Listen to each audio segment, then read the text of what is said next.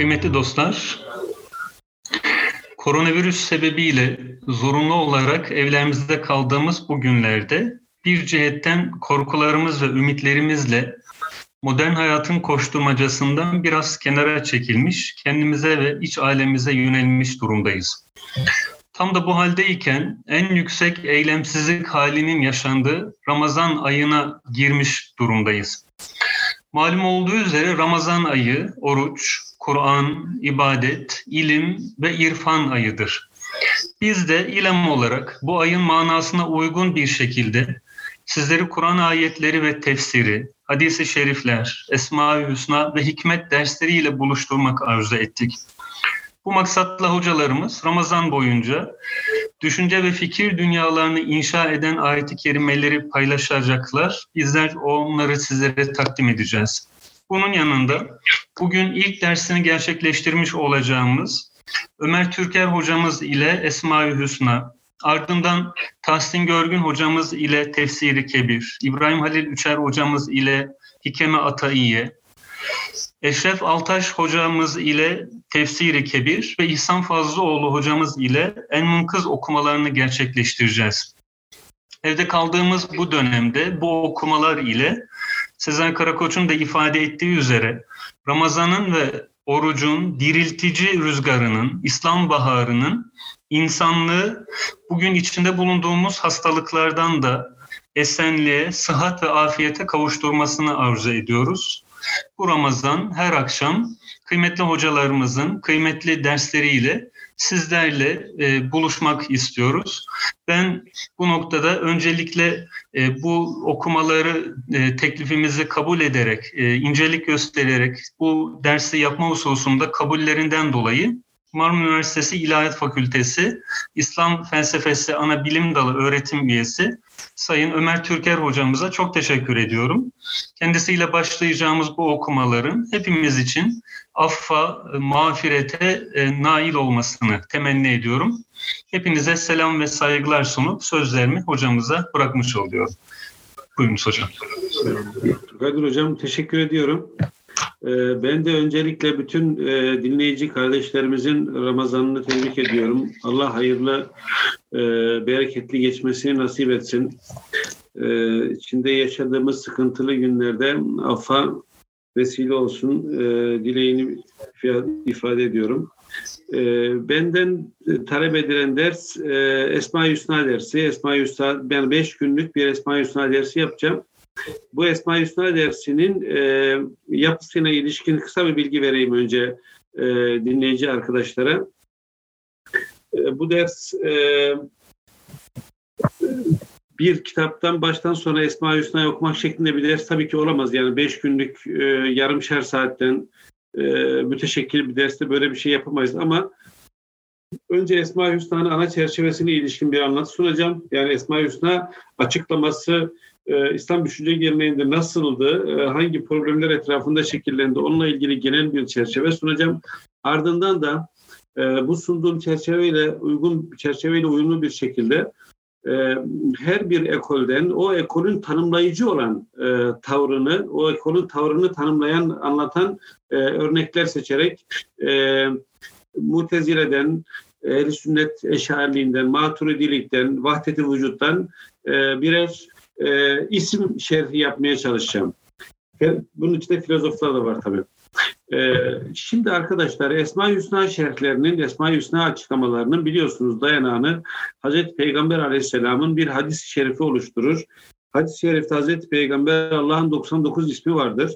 Kim onları sayarsa cennete girer e, buyurur. Bu mütefakun aleyh bir hadistir. Buhari ve Müslüm tarafından e, rivayet edilmiştir. Sorun şu burada e, Hazreti Peygamber'in e, kullandığı kelime e, omen ahsaha, ihsa kelimesi saymak manasına geliyor. Bu saymaktan tam olarak ne anlayacağız? E, yani isimlerin e, dilsel açıklamasını vermek mi anlayacağız?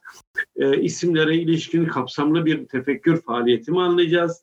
İsimleri hayatımızda e, düstur haline getirmeyi mi anlayacağız? E, bu sorular muvacehesinde İslam e, düşünürleri her ekolden yani felsefeden, tasavvuftan, kelamdan e, her ekolden düşünürler e, Esma-i Hüsna şerhleri yazdılar ve e, konuyla ilgili iman fikirlerini ifade ettiler. E, şimdi bu bütün e, değişik ekollerin Esma-i Hüsna şerhlerini incelediğimizde yani tasavvuftan, e, kelamdan, felsefeden Esma-i açıklamalarını izlediğimizde aslında hepsinin ortak bir e, e, ortak bir zemin üzerine inşa edildiğini, temel problemler etrafında döndüğünü görürüz. E, öncelikle bunun e, genel olarak ilahi isimler ve sıfatlar meselesinin bir e, uygulaması olduğunu, bir veçesi olduğunu anlamamız gerekir. Yani e, kelam kitaplarında, felsefe kitaplarında, tasavvuf kitaplarında ilahi isimleri ya da ilahi sıfatları nasıl anlayacağız ya da Allah'a nasıl sıfat ya da isim nispet edebiliriz sorusuna verilen cevaplar asıl itibariyle Esma-i Hüsna şerhlerini de şekillendirmiştir. Ee, bu noktada e, tartışmanın zeminini iyiden iyi aydınlatabilmek için Fahrettin Razi'nin e, Esma-i Hüsna şerhinin e, girişindeki bir tespitinden istifade edebiliriz.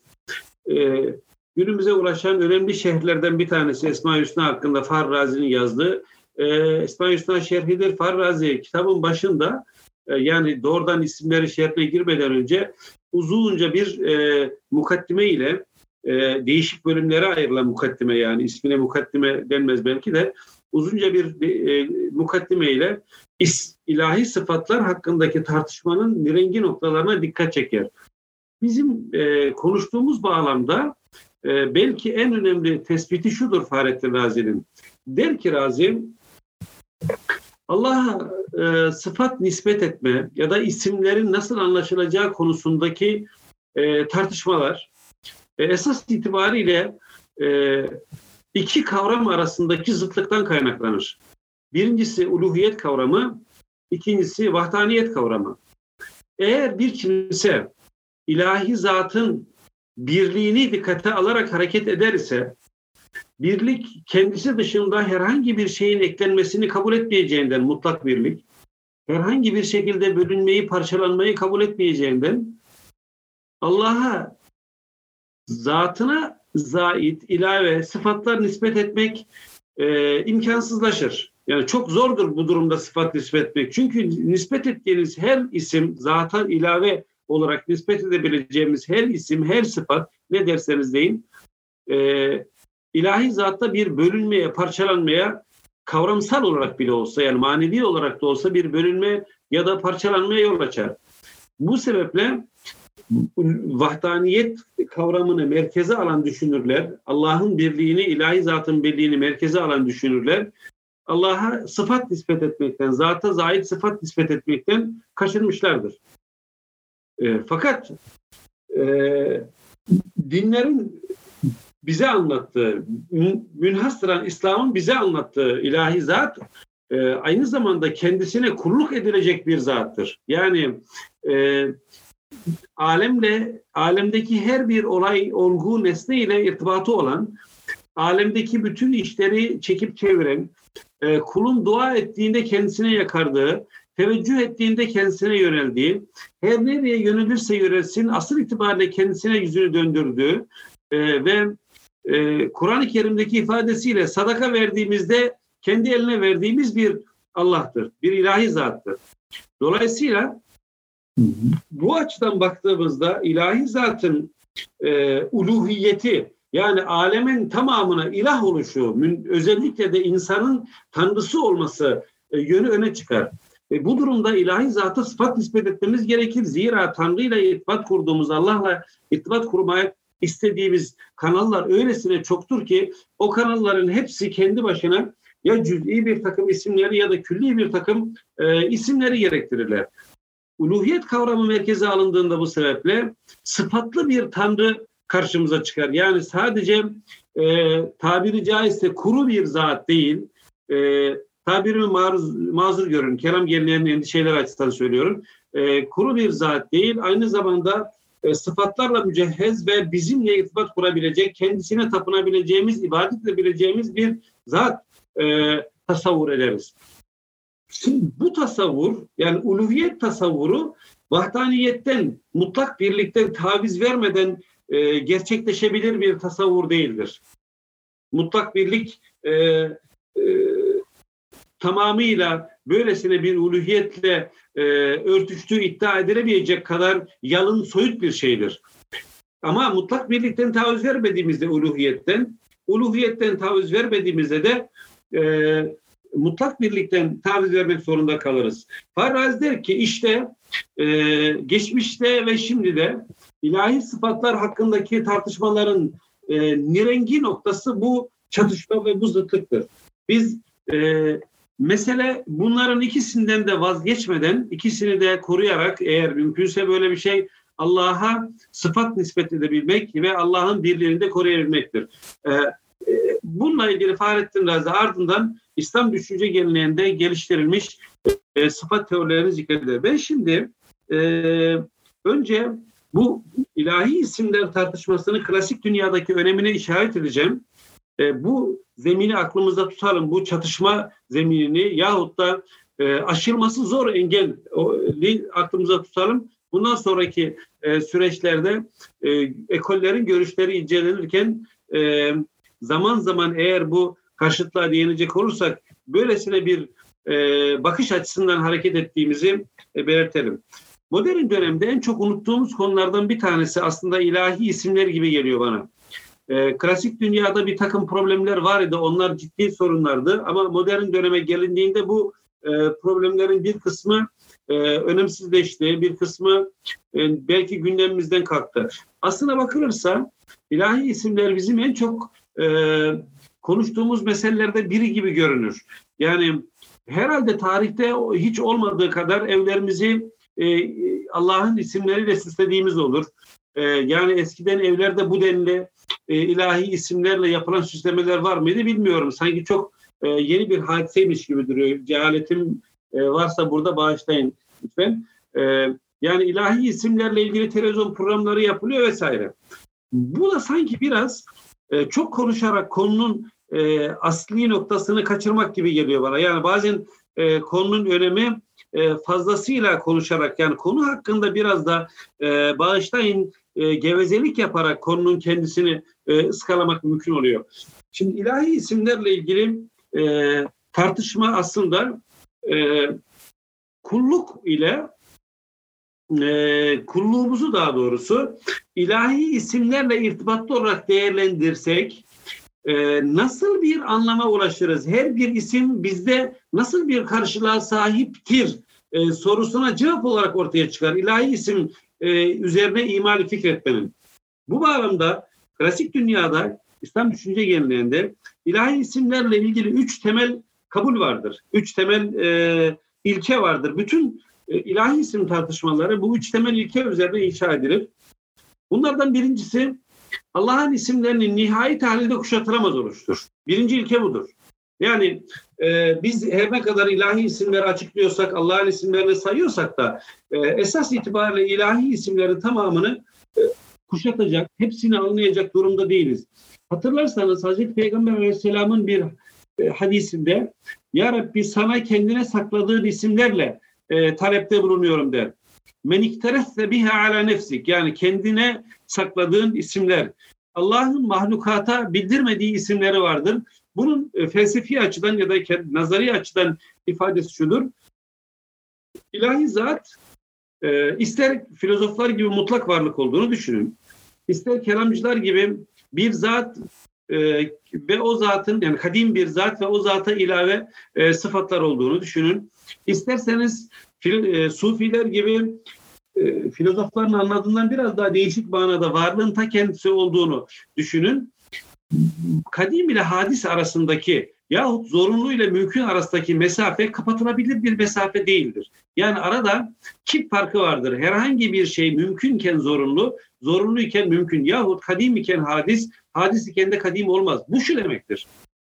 Hiçbir zaman hadis kadimi tam olarak kuşatmaya elverişli değildir hiçbir zaman mümkün, zorunluyu tam olarak kuşatmaya elverişli değildir. Bu hiçbir zaman olmayacak varlık mertebesinin farklılığından dolayı. Varlığın kaynağının e, o kaynakta neşet eden tarafından kuşatılmasının imkansızlığından dolayı. Bu sebeple prensip olarak ilahi isimlerin tüketilmesi imkansızdır. Bir. ikincisi yani bunun e, B şıkkı yani birin B şıkkı olarak değerlendirebiliriz. İlahi isimlerin kuşatılması imkansız olduğu gibi herhangi bir ismin bir insan tarafından tüketilmesi de imkansızdır. Yani alemdeki bütün olaylar, olgular, fiiller her ne diyeceksek bunlara, bütün nesneler aslında e, ilahi isimlerin bir e, zuhuru ya da sonucu olarak ortaya çıkar. Yani biz aslında genel isimleri konuşuyoruz. Yani kudret diyoruz, irade diyoruz, tekvin diyoruz, kelam diyoruz, her neyse ilim diyoruz. Bunları konuşuyoruz. Fakat yani sadece şu elinizi düşünün. Burada o kadar çok isim var ve sıfat vardır ki. Yani şu elin hareket edebilmesi ve el olabilmesi için belki milyonlarca isim e, burada e, hükmünü icra ediyor ve kendisini gösteriyordur. Bu sebeple sadece ilahi zatın isimlerinin değil, aynı zamanda ilahi zatın bir isminin alemdeki tahakkuklarının da kuşatılması mümkün değildir. Ayrıntılı bir şekilde kuşatılması mümkün değildir. Ee, kulluk dediğimiz şey bu anlamda e, aslında kendisini tahakkuk ettiren, kendi kendisini aslında e, tahakkuk ettiren bir, bir bilme ve e, eyleme sürecinin ismidir. Yani şunu demek istiyorum, e, insan başka bir şey olmak için değil, kul olmak için e, kulluk eder. Yani insan diyelim ki kulluk da çok ileri noktaya ulaştı. Şöyle kul oldu, böyle kul oldu, kulluğun feriştahı oldu. Tanrı olmayacak, kul olacak yine. Yani kulluk fiillerinin tamamı bizatihi kulluk anlamının tahakkuk etmesi içindir. Buraya şuradan geçtim. İlahi isimleri bildiğimiz zaman bir şey olmayacağız, kul olacağız. O nedenle kulluk nasıl ki bir eksikliğin zorunlu sonucu ise bu eksiklik ilahi isimleri bildiğimiz zaman da kendi varlığını bizim idrakimize vazgeçilmez bir şekilde dayatan bir şeydir. Ee, bu sebeple hiçbir zaman Allah'ı tam olarak kuşatamayacağız. Hiçbir zaman uluhiyet mertebesine e, ortak olma gibi bir cürette bulunmayacağız. Yaptığımız bütün okuma faaliyetinin ve eyleme faaliyetinin, bilme faaliyetinin e, semeresi yine kulluk anlamının kendisinin tahakkuk etmesini sağlamaya dönüktür. İkinci e, şey bu bağlamda yani ilahi isimlerle ilgili e, yorumların ikinci e, temel kuralı e, her bir ilahi isim hem hakkın zatına delalet eder hem de kendi anlamına delalet eder. Yani buradan çok değişik isimlerden örnek vermek mümkündür. Ee, söz gelimi alim ismini düşünün. Alim ismi e, gramatik olarak bilgiye delalet eder ve o bilgiye sahip olan belirsiz bir zata delalet eder. Belirsiz bir faile ya da özneye delalet eder. Allah'a alim ismini nispet ettiğimizde hem Allah'ın nitelendiği bir sıfatı ifade etmiş oluruz. Hem de bu sıfatı taşıyan belirsiz bir özneyi ifade etmiş oluruz. Bu sebeple ilkece bir ismi anladığımızda mutlaka o isimden Allah'ın zatına geçiş vardır. Bir. İkincisi bir kez ilahi zata geçtik mi ilahi zattan diğer isimlere geçiş de mümkündür. Yani ilahi zat isimlerin tamamını taşıyan nihai mutlak fail olarak bize isimler arasında geçişlilik yapma, birinden diğerine intikal etme imkanı da verir. Ee, bu manada ilahi isimler bizim zata ulaşmamızın vesileleri aynı zamanda her bir ilahi isim zattan başka isme ulaşmanın da aracısıdır. Hatırlarsınız belki e, Bağdat'ta Farabi sonrası felsefe halkasının reisi Ebu Süleyman Es-Sicistani ilahi isimlerin hakkın zatına ulaşmak için merdivenler olduğunu düşünür. Merdivenler olduğunu. Bu sebeple e, her bir ilahi isim hakka ve diğer isimlere ulaşmak için birer merdiven olarak e, değerlendirilebilir. Yani burada fazla ayrıntıya girmek mümkün aslında. Yani bunu çok değişik şeylerden e, örneklendirebiliriz. Yani isimlerin zıttık, zıt isimler arasında geçiş de böyle mümkün olur. Yani Allah muhyi ve mümittir, öldüren ve e, diriltendir. Yahut Allah kabız ve basıttır. Yani kapatan ve açandır. E, ilahi zatın değişik e, isimleri arasında zıtlık bulunabilir. Biz öldüren isminden dirilten ismine, açan isminden kapatan ismine geçebiliriz. İşte bu söylediğimiz e, gerekçeden dolayı. Yani Allah'ın zatına ulaşmak ve zattan diğer isimlere geçmenin mümkün oluşundan dolayı. Bunun bir önemli sonucu var. İlahi isimleri bilme, İhsa yani Hazreti Peygamber'in dile getirdiği İhsa bağlamında önemli bir sonucu var. Eğer kul bir isimde Allah'a yakınlık kesbederse ilahi zat ona diğer isimlere de geçme imkanı lütfeder. Ee, bu tabii ki şey demek değil. Yani bir isme tahkike, ol, tahkike ulaştı kimse diğer bütün isimleri de tahkike ulaştı. Öyle bir şey demek değil. Ama onlara olan ünsiyeti kazanabilir. Biraz şuna benziyor bu. Dindarlık dediğimiz şey aslında e, bir dairenin çeperinden, çemberinden merkezine doğru ilerleme faaliyetidir. O merkeze Hazreti Peygamber aleyhisselamı koyun. Yani bilgi ve davranışın başka bir tabirle iman ve amelin özdeş olduğu e, ve dindarlık anlamının tam olarak böyle bir özdeşlik de ortaya çıktığı Hazreti Peygamber aleyhisselamı düşünün. Hazreti Peygamber aleyhisselamı dairenin merkezine koyun. Şu daire, dairenin çemberi de e, yani aradaki boşluk o dairenin yüzeyini e, sağlayacak şekilde boşluk bırakın düşünün. Şimdi biz bu çemberden merkeze doğru her ilerlediğimizde, her varma çabasını gösterdiğimizde aslında belli bir takım fiiller e, ve düşünceler üzerinden hareket ederiz. Yani e, bizim fiillerimiz o kadar geniştir ki, o kadar çok çeşitli fiil vardır ki her bir fiilden o merkeze doğru ilerlemek e, ve dairenin e, merkezindeki dindarlık anlamına ulaşmak mümkündür. Fakat bu çemberi bütün olarak daraltıp dindarlık anlamında e, buluşmak çok zor bir iştir. Yani çemberi şöyle çe- ay, büzüştürün diyelim ki dairenin merkeziyle e, aynı iyileştirin. Böyle bir şey bir insana müyesser olur mu bilmiyorum ama imkansız denecek kadar zor bir şeydir. Çok özel ilahi bir lütfun olması lazım bir insanda böyle bir şey ortaya çıkması için. Biz ekseriyetle oradan uzaktayızdır, oraya doğru gideriz. Şimdi aslında dairenin merkezi Hazreti Peygamberse orada iman ve amel örtüşüyor ise gerçek anlamda imanın da amelin de manası orada demektir. O çemberden uzaklaşan çem, e, şey merkezden uzaklaşıp çembere doğru gittiğimiz her durumda gerçekte e, imanın anlamını kaybetmeye başlarız. Amellerimizdeki ihsan, e, ihlas gibi anlamlar zayıflamaya başlar. Yani davranışlarımıza şirk karışır. Düşünce ve davranışlarımıza şirk karışır. Normal şartlarda merkezden uzaklaşan bütün davranışlarımız aslında şirke bulaşmış bir vaziyettedir. Ama ilahi zat bu ana çemberi yani dairenin merkezini oluşturan çemberi rahmet çemberi olarak benimsemiş ve bu şirkleri mağfur şirkler grubuna dahil etmiş. Bu çember aslında la ilahe illallah Muhammeden Resulullah çemberi. Bu çemberde çemberin e, dairenin noktası merkezine kadar ki aralığında davranışlarımız daima şirkle meşbu olduğu halde Allah bunları mağfiretiyle iman kapsamında değerlendirmiş. Fakat bu şu demek değil. İman kapsamında değerlendirir de imanda tahkik e, seviyesinde bir e, e, hal değil bu. Yani imanda tah- tahkik seviyesinde olduğumuzu göstermiyor. Bu bir çaba sadece. Yani bu bir e, rahmet vesilesi. Şimdi arkadaşlar ilahi isimler biraz önce konuştuğumuz bağlamda çemberden merkeze doğru gitmekte bizim için merdivendirler. Bu ilahi isimleri bu durumda davranışlarımız olarak, belirli bir alandaki düşüncelerimiz olarak, belirli bir tür ibadetimiz olarak düşünelim lütfen. İlahi isimler kendisini bizim hayatımızda böyle gösterir. Yani davranışlarımız olarak, arzularımız olarak, bilgilerimiz olarak vesaire. Bunun içerisine kötü olanlar da dahil.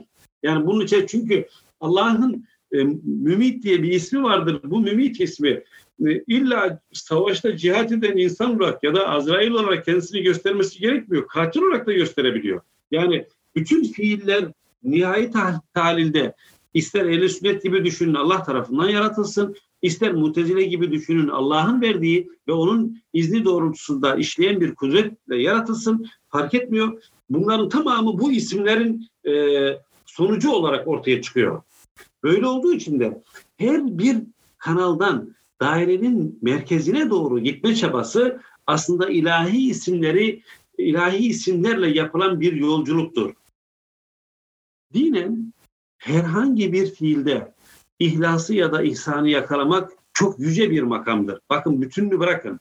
Herhangi bir kanaldan, çemberdeki bir çizgiden merkeze gitmek çok yüce ve çok kıymetli bir iştir. Zira e, saflık çok zor bulunan bir şeydir.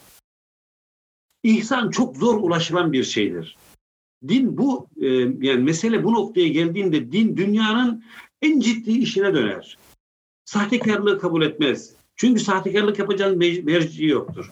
E, gevşekliği kabul etmez. Zevzekliği kabul etmez. Yani e, herhangi bir şekilde ihmalin anlamsız olduğu bir e, süreçtir bu. Saflık çok kıymetli olduğu için bir kimse bir fiilde bile diyelim ki cömertlikte, diyelim ki yetimleri sevindirmede, diyelim ki akrabayı ziyarette, diyelim ki komşu hakkını gözetmede bunların herhangi birisinde ihlası yakalamak kişiyi e, ilahi e, olanla yani o dairenin e, merkezindeki dindarlık anlamıyla karşılaşmaya e, karşılaşmaya mazhar kılar.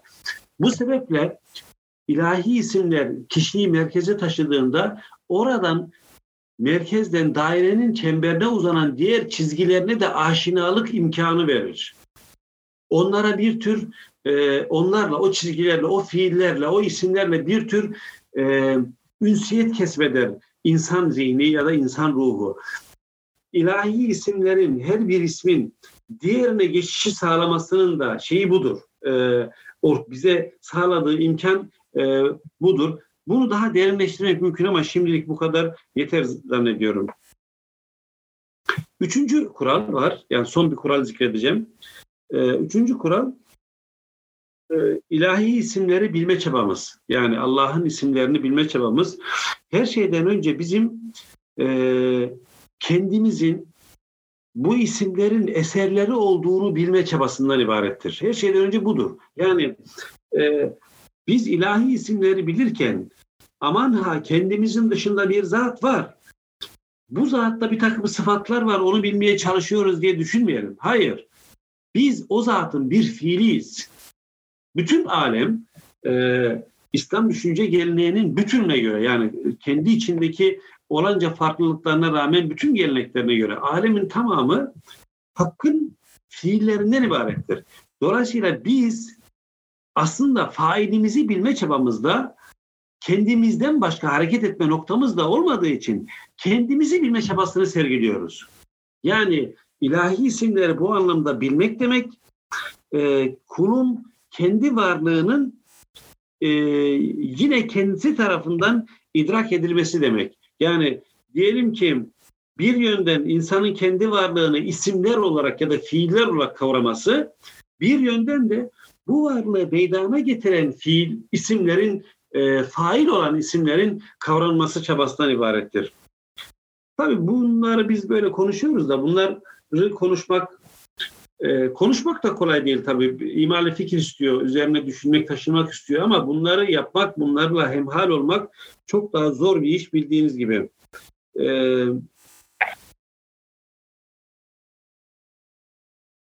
yani e, buradaki bence bu kuralın zihnimize sunduğu e, en önemli şey ne? Yani burada yani böyle bir kural niye var e, sorusunu sorsak herhalde bunu, bu sorunun cevabı şudur.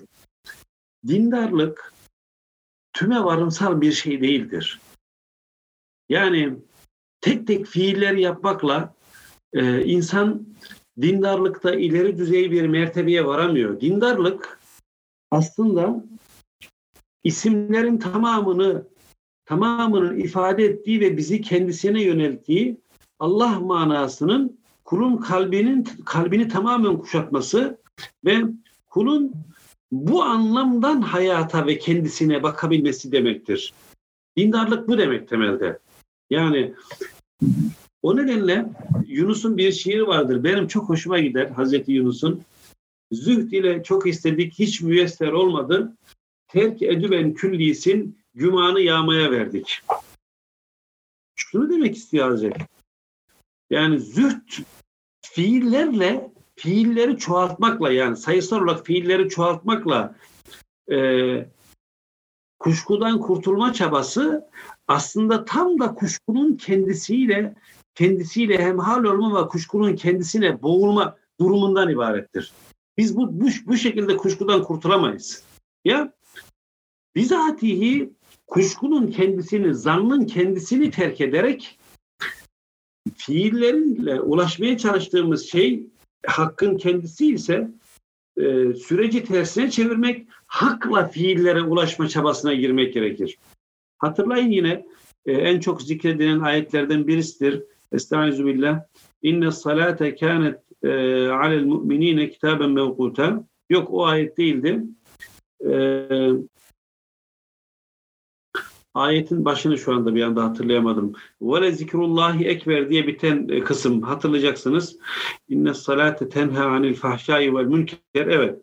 E, yani namaz e, fahşa ve münkerden, çirkinlik ve yadırganacak davranışlardan alıkoyar. Ve zikrullahi ekber. Şimdi namazın alıkoymasının sebebi aslında namazın zikir olması. Nitekim zikrin olmadığı ibadet aslında hakiki anlamda ibadet olma vasfını da koruyamıyor. Bu sebeple dinin en temel kavramı zikirdir. Bütün ibadetler, bütün dini eylemler tamamıyla hakkın insan aklında yer etmesi, insanın gönlüne yerleşmesi ve fiillerine kaynaklık etmesi içindir.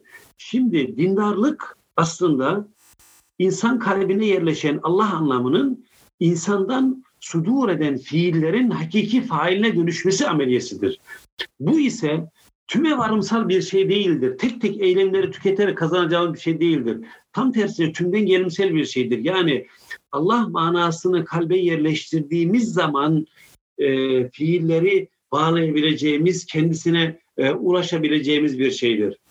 Bu sebeple dindarlıkla ilgili yani dinin emrettiği fiilleri ya da kaçınmayı e, emrettiği yani yapmayı ya da kaçınmayı emrettiği fiilleri yaparken ve kaçınırken bu fiilleri önemsizleştirmemek ama bu fiillerin bizim hayatımızda dindarlık usule getirmesi, getirebilmesi için bunların gerisindeki nihai failin kalbimizdeki Allah anlamı olması gerektiğini de idrak etmemiz gerekir. Yani bu manayı sürekli kalbimizde bulundurmamız gerekir ki biz e, gerçekten yaptığımız fiillerle e, Hazreti Peygamber'de tahakkuk ettiği haliyle dindarlığa e, adım atalım, ulaşabilelim. Hasılı kelam, çok uzatmayacağım.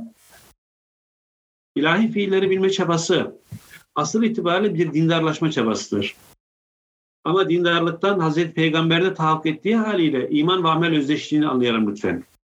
Hazreti Peygamber'deki iman ve amel özdeşliği ilahi zat tarafından tanındığı meşru, makbul ve aynı zamanda model kabul edildiği için e, dindarlığı tanımlayıcı anlam ve, ve fiilleri oluşturur. İki, ilahi isimleri bilmek bu e, dindarlık kavramıyla da bağlantılı bir şekilde bizatihi e, kul olabilmek demektir.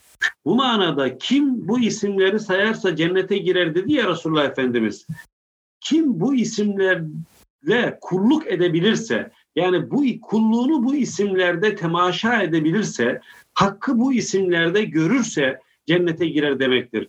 Bunun çok değişik seviyeleri vardır. Belki bizim de anlamaktan aciz olduğumuz seviyeleri vardır ama e, işte yani lafzen bu isimlerin manasını bilmekten ta e, bu isimlerin anlamıyla e, donanmak veyahut da kulluk da kulluk edebilmek bu isimlerle e, derecesine varıncaya kadar hepsi e, ihsa kapsamında değerlendirilebilir. Ama temel mesele kulluktur ve ilahi isimler e, bizim e, kulluğumuzu artırdığı ölçüde bizim tarafımızdan bilinmiş olur. İlahi isimleri bilmek saf teorik bir hadise değildir bu anlamda. Yani saf nazari bir hadise değildir. İlahi isimleri bilmek imanlı olmayı gerektirir. Burayı lütfen e, gözden kaçırmayalım. İlahi isimleri bilmek lugavi bir eylem değildir. Lugavi tarafı vardır tabii ki. İlahi isimleri bilmek e, bir literatürde o isimler hakkında yazılanları öğrenmek değildir. Bu tarafı da vardır elbette. Ama bundan ibaret değildir. ilahi isimleri bilmek, hakka kulluk etmek demek olduğu için imanı gerektirir. İman olmayan kimsenin ilahi isimlerden nasibi, lügat açıklamaları yahut kitaplardaki isimlerle ilişkin tartışmalardan ibaret kalır. İsim, e, iman bu anlamda e, her bir ilahi isme e, Hazreti Peygamber'in tebliğ ettiği anlamıyla ilahi isimlere e, açılan kapıdır ve bu, bu kapıdan e, işte girmenin yolu da e, kelime-i şehadet ve e, hakkın yani tevhidini Resulullah Efendimizin peygamberliğini tasdik etmeyi gerektirir. Ama ilahi isimlerin şöyle bir boyutu da vardır son olarak. İman, Allah'a iman dediğimiz şey e, belirli bir zümreyle de sınırlandırılabilir bir şey değildir. Yani Allah bu isimlerle sadece müminlerin Rabbi, müminlere kadir, müminleri alim vesaire değildir. Allah bütün mahlukat için böyledir ve her bir e, grubun, bu dünyada yaşayan her bir grubun, zümrenin o isimlerle bir irtibat kurma ciheti vardır. Bu sebeple zannediyorum İbn Arabi'nin dediği gibi isimlerde ifade eden külli manaları, bütünlüğü kavramak Resulullah Efendimiz'e ittibayı gerektirir. Ama her bir isim zaten e, yani isimler zaten her bir insanı meydana getiren failler olduğu için tabiri caizse yani hak bu isimlerle fail olduğu için başkaları açısından da hakka ulaşan bir takım e, yollar vardır. E, yani hangi dinden, hangi meşrepten, hangi mezhepten olursa olsun e, herkesin hakka ulaşan bir, hakka bakan bir yönü vardır. Eksik e, olabilir, e, sapkın fikirlerle yoğrulmuş olabilir, yanlış yönlendirici olabilir. Ama İslam bütün bunları e, son peygamberden öğrenmenin gerekliliği üzerinde ısrarla durur. Çünkü peygamberlik müessesesinin en önemli tarafı hakkın kul, kula yönelik iradesini yine hakkın tasdik ettiği bir merci tarafından e, insanlara iletilmesidir. Bu çok önemlidir. Yani biz Allah'ın talebini nazari olarak belki bir noktaya kadar e, tahminler yürütebiliriz ama Allah'ın kuldan talebini hakkıyla bilemeyiz. Böyle bir şeyi tam olarak idrak edemeyiz. Peygamber bize hakkın bizden talebini hakkın tasdik ettiği şekilde ulaştırabilme imtiyazına sahip veyahut da bu görevle müvekkel olan kimsedir. Bu sebeple e, içinde yaşadığımız e, yani idrak ettiğimiz şu ayı Cenab-ı Hak feyiz ve bereketle geçirmeyi nasip etsin. E, bolca istiğfar etmeyi, e, rahmetinden de e, nasipdar olmayı cümlemize nasip etsin. E, ilahi isimlerin e, her bir zümre tarafından yani İslam dünyasındaki ana gelenekler tarafından nasıl anlaşıldığına ve bütün ilahi isimleri açıklayıcı tavırların neler olduğuna önümüzdeki dört gün içerisinde inşallah değinmeye çalışacağım. Arkadaşlar bana e, bir takım sorular göndereceklerini söylemişler idi. E, umarım e, bir sıkıntı yoktur. E, eski öğrencilerimizden bize selam varmış. Şimdi e, mesaj atmış arkadaşlar. Aleyküm selam arkadaşlar. Siz de selamlarımı iletin. E, ben de hepinize muhabbetlerimi iletiyorum. Var mı soru, cevaplamamı istediğim soru var mı? Arkamdaki levhayı soruyorlar. Bu levha Medet Ya Hazreti Piri Türkistan levhası. Zannediyorum bundan bir tane daha var. Bunu ben yazdırmıştım e, bir hatta dostuma. Türkiye'de bundan bir tane daha var başka. E, başka birisi daha yazmış. Hazreti e, Ahmet Yesevi'nin e, e, ruhundan istimdad etmek amacıyla e, yazdırmıştım bu levhayı. Evet, levha ile ilgili soruyu sordular. Tamam, yani bu soru fast şeyimizi, kapasitemizi doldurduk anlamına geliyorsa tamamdır. Ee, arkadaşlara selam verip onları hakka emanet edebiliriz.